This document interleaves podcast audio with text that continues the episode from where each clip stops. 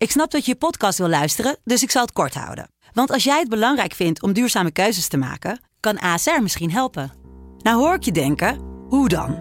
Nou, bijvoorbeeld bij het duurzaam herstellen van schade. Of de premies die we beleggen volgens ons duurzaam beleggingsbeleid. Dat bepaalt waar we wel en juist niet in investeren. Wil je meer weten over welke duurzame keuzes ASR maakt? Ga dan naar asr.nl slash duurzame keuzes. ASR doet het. Zo, dan kan je nu lekker naar je podcast luisteren. This is Radio PK.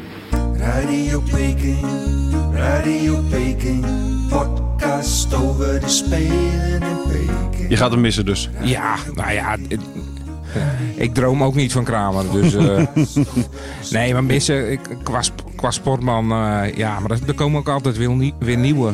Alleen weet ik niet of we weer zo'n persoonlijkheid krijgen als Sven. eh. Nee. Iemand die ook voor het schaatsen staat. Hè? Die, die eh, als er wat geregeld moet worden, voorop gaat in de strijd. Ja, ik zie nog niet iemand die dat allemaal over gaat nemen. Antoinette de Jong en Suzanne Schulting. Winnen Sven, Jorrit en Shinky Goud. Hoe vergaat het Marcel Bosker en Marijke Groenewoud? Radio Peking, Radio Peking. Hier is uw presentator, Thijs de Jong. De tweede dag van de Olympische Spelen zit erop. En voor de tweede keer sinds 1998 werd de 5 kilometer bij de heren niet gewonnen door een Nederlander. Johan Stobbel was erbij voor de Leeuwardenkrant en Dagblad van het Noorden. Johan, wat blijft jou bij van deze Ja. schaatsdag?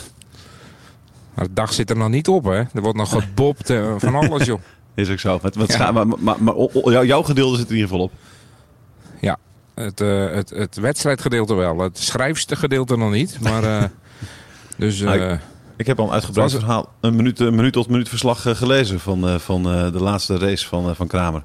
ja, ja, die heb ik vandaag uitvoerig geobserveerd. Vanaf vanochtend vroeg, toen hij op de baan was. En tot en met dat hij uit de mix ronde vertrok.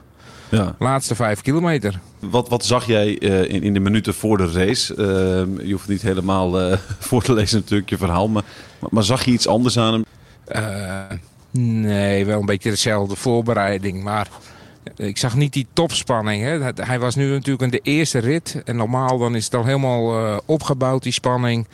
En ik vond hem vrij relaxed lopen. Alsof hij al wist van, eh, ja, het wordt hem vandaag niet. Dat, dat, zag jij, dat zag jij toen ook al aan hem. Nou, dat idee had ik wel een beetje. Van de week ook gesproken. En eh, ja, hij had zelf al in de gaten dat hij die vijf kilometer eh, niet meer eh, zou winnen. Ja, medaille was ook, eh, ja, was ook, ook moeilijk. Hij is daar echt voor die ploegachtervolging. En eh, nou ja, alles of niks. Dood of de gladiolen. En het werd niks. Nee. Maar wanneer, wanneer wist jij in de race dat die medaille er neer zat? Eh, had je dat ook al vroeg door? Ja, dat ging niet echt snel genoeg. En je zag het aan zijn hoofd wel. Hè. Ik heb dus goed opgelet. En, en je zag gelijk wel dat, dat die grimas op zijn gezicht. Had dat zelf na een paar rondjes ook wel door dat het, eh, dat het hem niet zou worden. Ja, aan het einde liep het zo op. Dus eh, nou ja, klaar. Laatste vijf kilometer, 125 gereden. Ja, nu heb je twee, eh, ja, precies 125 gereden, 82 gewonnen, vertelde ze ook inderdaad. Dat is toch ook een, ongelooflijk aantal. Je, je, je, je, vertelde, je had al twee eh, twee dromen. De, de, de droom van goud van Shinky, de droom van goud van Sven. Nou, ik droom er niet over, Thijs hoor. Ik, eh, ik zou het mooi vinden, maar ik, ik droom niet over schaatsen, sorry. Nee, waar droom, waar droom je wel over, Johan? Nou, daar moeten we het later maar eens over hebben. Als we het afsluiten, doen we dat. Hey, belangrijke zaak, hoeveel punten heb je behaald in je poeltje? Ja, vier stuks weer. Keurig. Ik, ik was gedeeld koploper, zag ik, eh, na de eerste dag. En eh, ja, volgens mij had niemand Engebraten op drie. Dus ik, ik denk dat met acht punten eh, goed meedoen in de, in de bovenste regionen. Heerlijk, heerlijk. Ehm, we hebben Kramer natuurlijk zien rijden. Eh, laten we daar even over beginnen. Eh, ehm, de- na het interview, ik, ik vind hem in interviews vind ik hem altijd fantastisch eh, op tv. Hoe is dat eh, voor, voor krantinterviews? Is hij dan ook zo, zo prettig? Ja, Kramer is echt een, eh, een sieraad voor ons. altijd, eh, als je met hem praat, hij heeft altijd een verhaal. Er is altijd wel een aanknopingspunt, een, een, een draadje wat hij erin gooit. eh. en hij heeft gewoon goede teksten, zinnige teksten. Eh, dus dus ja, dat, om, is een genot om mee te werken. En ik, Ja. werk er al ja, poeh, 18 jaar denk ik wel eh, dat ik hem al op de schaatsbanen tref. Ja, heb je, heb je hem zien veranderen? Ik, want ik heb het idee dat ik eigenlijk altijd ook wel zo. Ik, ik ken hem zelf wel van, vanuit de, de, de brugklas. Zat ik hem op school. Toen vond ik het een beetje een vervelend ventje. Ik ken hem niet heel goed hoor. Maar, maar, maar, maar al, al vrij snel in interviews dacht ik eigenlijk wel een hele prettige vent om naar te luisteren. Dat is ook altijd al zo geweest, toch? Ja, ja, of ik hem heb zien veranderen, begon je mee.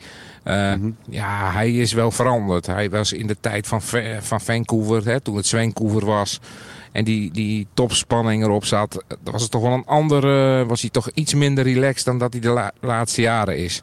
Maar ook toen altijd een, eh, altijd een verhaal. Hè, toen hij in Vancouver eh, de verkeerde bocht in werd gestuurd. Nou ja, dan zou je je voor kunnen stellen dat hij even geen zin heeft in ons. Ja. Maar eh, nou, even tijd voor zichzelf en dan, dan staat hij ons gewoon te woord. En eigenlijk heeft hij dat altijd gedaan. En je merkt nu wel eens dat er, eh, dat er schaatsers, eh, nou, die komen dan niet naar de mixzone. Want eh, nee, moeten uitfietsen. Of de coach die bepaalt dat ze even niet komen. Mhm. Ik heb dat met Kramer nog nooit meegemaakt. Die is altijd is hij gekomen. En vandaag ook. volgens mij was hij nou 40 minuten voordat hij de hele mixzone door was. Ja, hè? En dan met zo'n tijd, hè, 6, 17. En toch Ja. iedereen die wil wat van je weten. En ik vond het wel mooi dat hij zei, van, eh, dat, dat zie ik maar als een compliment. Niet voor vandaag, maar wel voor eh, mijn, eh, de afgelopen 15 jaar. En dat En is zo het is ook het natuurlijk. Ja, ja, zeker. Je gaat hem missen dus. Of is dat ook weer te nou veel ja, gezegd? het- Ja, nou ja. Ik droom ook niet van Kramer. Dus, nee, maar missen, ik, qua, sp- qua sportman, ja, maar er, komen ook altijd weer, nie- weer nieuwe. Alleen weet ik niet of we weer zo'n persoonlijkheid krijgen als Sven. eh. Nee. Iemand die ook voor het schaatsen staat, hè, die, die eh, als er wat geregeld moet worden, voorop gaat in de strijd. Ja, ik zie nog niet iemand die dat allemaal over gaat nemen. Nee. Nu is het natuurlijk nog niet voorbij. Hè? Hij, hij, moet nog wat, eh, hij moet nog wat rijden. Eh, wat zegt deze, deze race van hem over de ploegachtervolging? Nou, dat zegt niet heel veel, want eh, hij, heeft, hij heeft dit seizoen eigenlijk... Hij in Polen eh, was hij ook niet op de 5 kilometer, maar wel eh, hebben ze toen de eh, ploegachtervolging gewonnen. Dus, het, dus dat is een hele andere afstand. En hij is gewoon van grote waarde in die ploeg.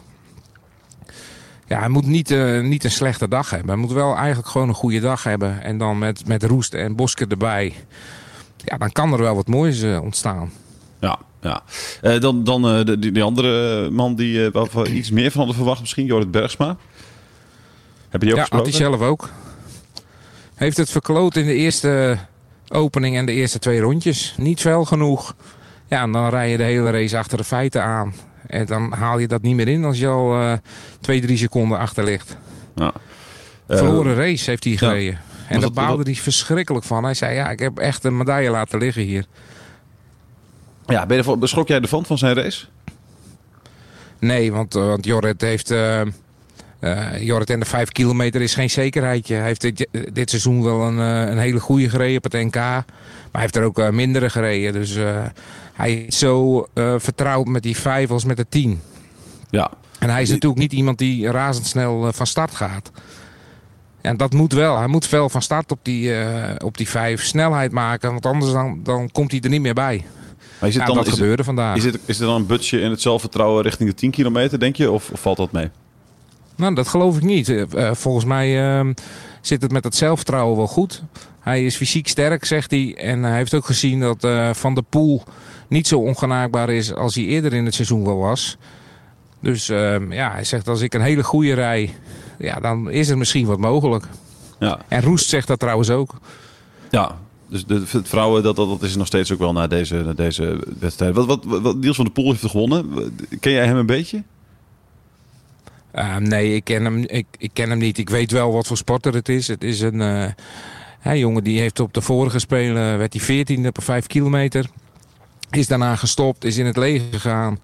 Eh, een jaar, heeft daarna een jaar eh, zich gestort op ultralopen.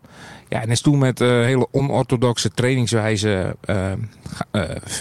teruggekomen. Hè. Hij houdt van hele lange fietstochten. Hij, hij, hij rent na een World Cup in Tialf, eh rent hij naar Sneek.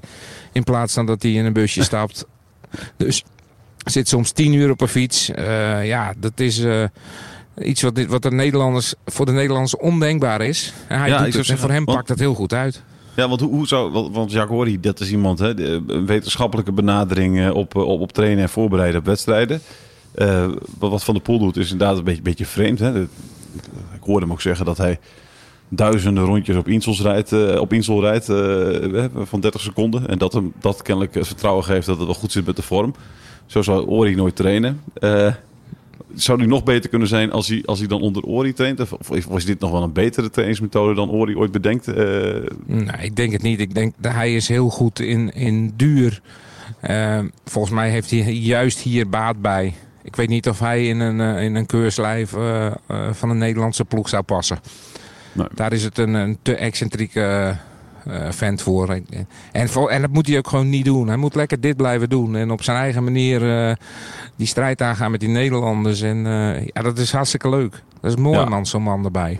ja, dat, Hij heeft precies. een, een, een, een, eh, mentor nu, hebben ze, het Zweedse team in, eh eh, in Insel. Dat is een eh, biathloncoach. Dat is de, die wordt in het biathlonwereld de coach from hell genoemd. Vanwege zijn, eh, zijn, zijn strenge, harde aanpak. En die coach, een Duitser is dat. En eh, die had nog nooit iemand gezien die zo hard traint als Niels van der Poel. Dus dat zegt ook wel wat over hem. Ja, ja. Eh, van de Poel, eh, de- ook de topfavoriet nu voor de 10 kilometer? Of, of zeg je na deze race van, nou, Ja, hij is valt er nog wel iets te halen? maar- Ja, ze zeggen, kijk, het was vier tiende verschil. Ja. Eerder dit seizoen was het vier seconden verschil. Dus ze hebben het gat zo goed als dicht. Ja, eh, als Roest de, de race van zijn leven rijdt, of eh, Bergsma, ehm, ja, en, en Van der Poel is net even iets minder, ja, dan kan het. Maar Ja. hij blijft de favoriet. Ja. Heb je Roest ook nog gesproken? Ik heb eh, heel eventjes bijgestaan, ja. Is hij, was hij nog steeds teleurgesteld? Of, eh? Ja, hij zei van ja, als ik nou met twee, drie seconden had verloren, dan had ik meer vrede met het zilver gehad dan, eh, dan nu. Want je bent er zo dichtbij. Hij zei ja, moet, nu moet ik weer vier jaar wachten. Ja, ja, zo was het ook. Hij heeft het in de laatste ronde, eh, laatste ronde verloren. Ja. Roest was op, ging helemaal kapot. En je zag het aankomen. Drie rondjes voor het einde zei ik in de mixzone tegen de, een van Team NL. Van, eh, die, die echt mee stond. even. Ik zei nou, hij gaat, er, hij gaat het niet redden, Roest.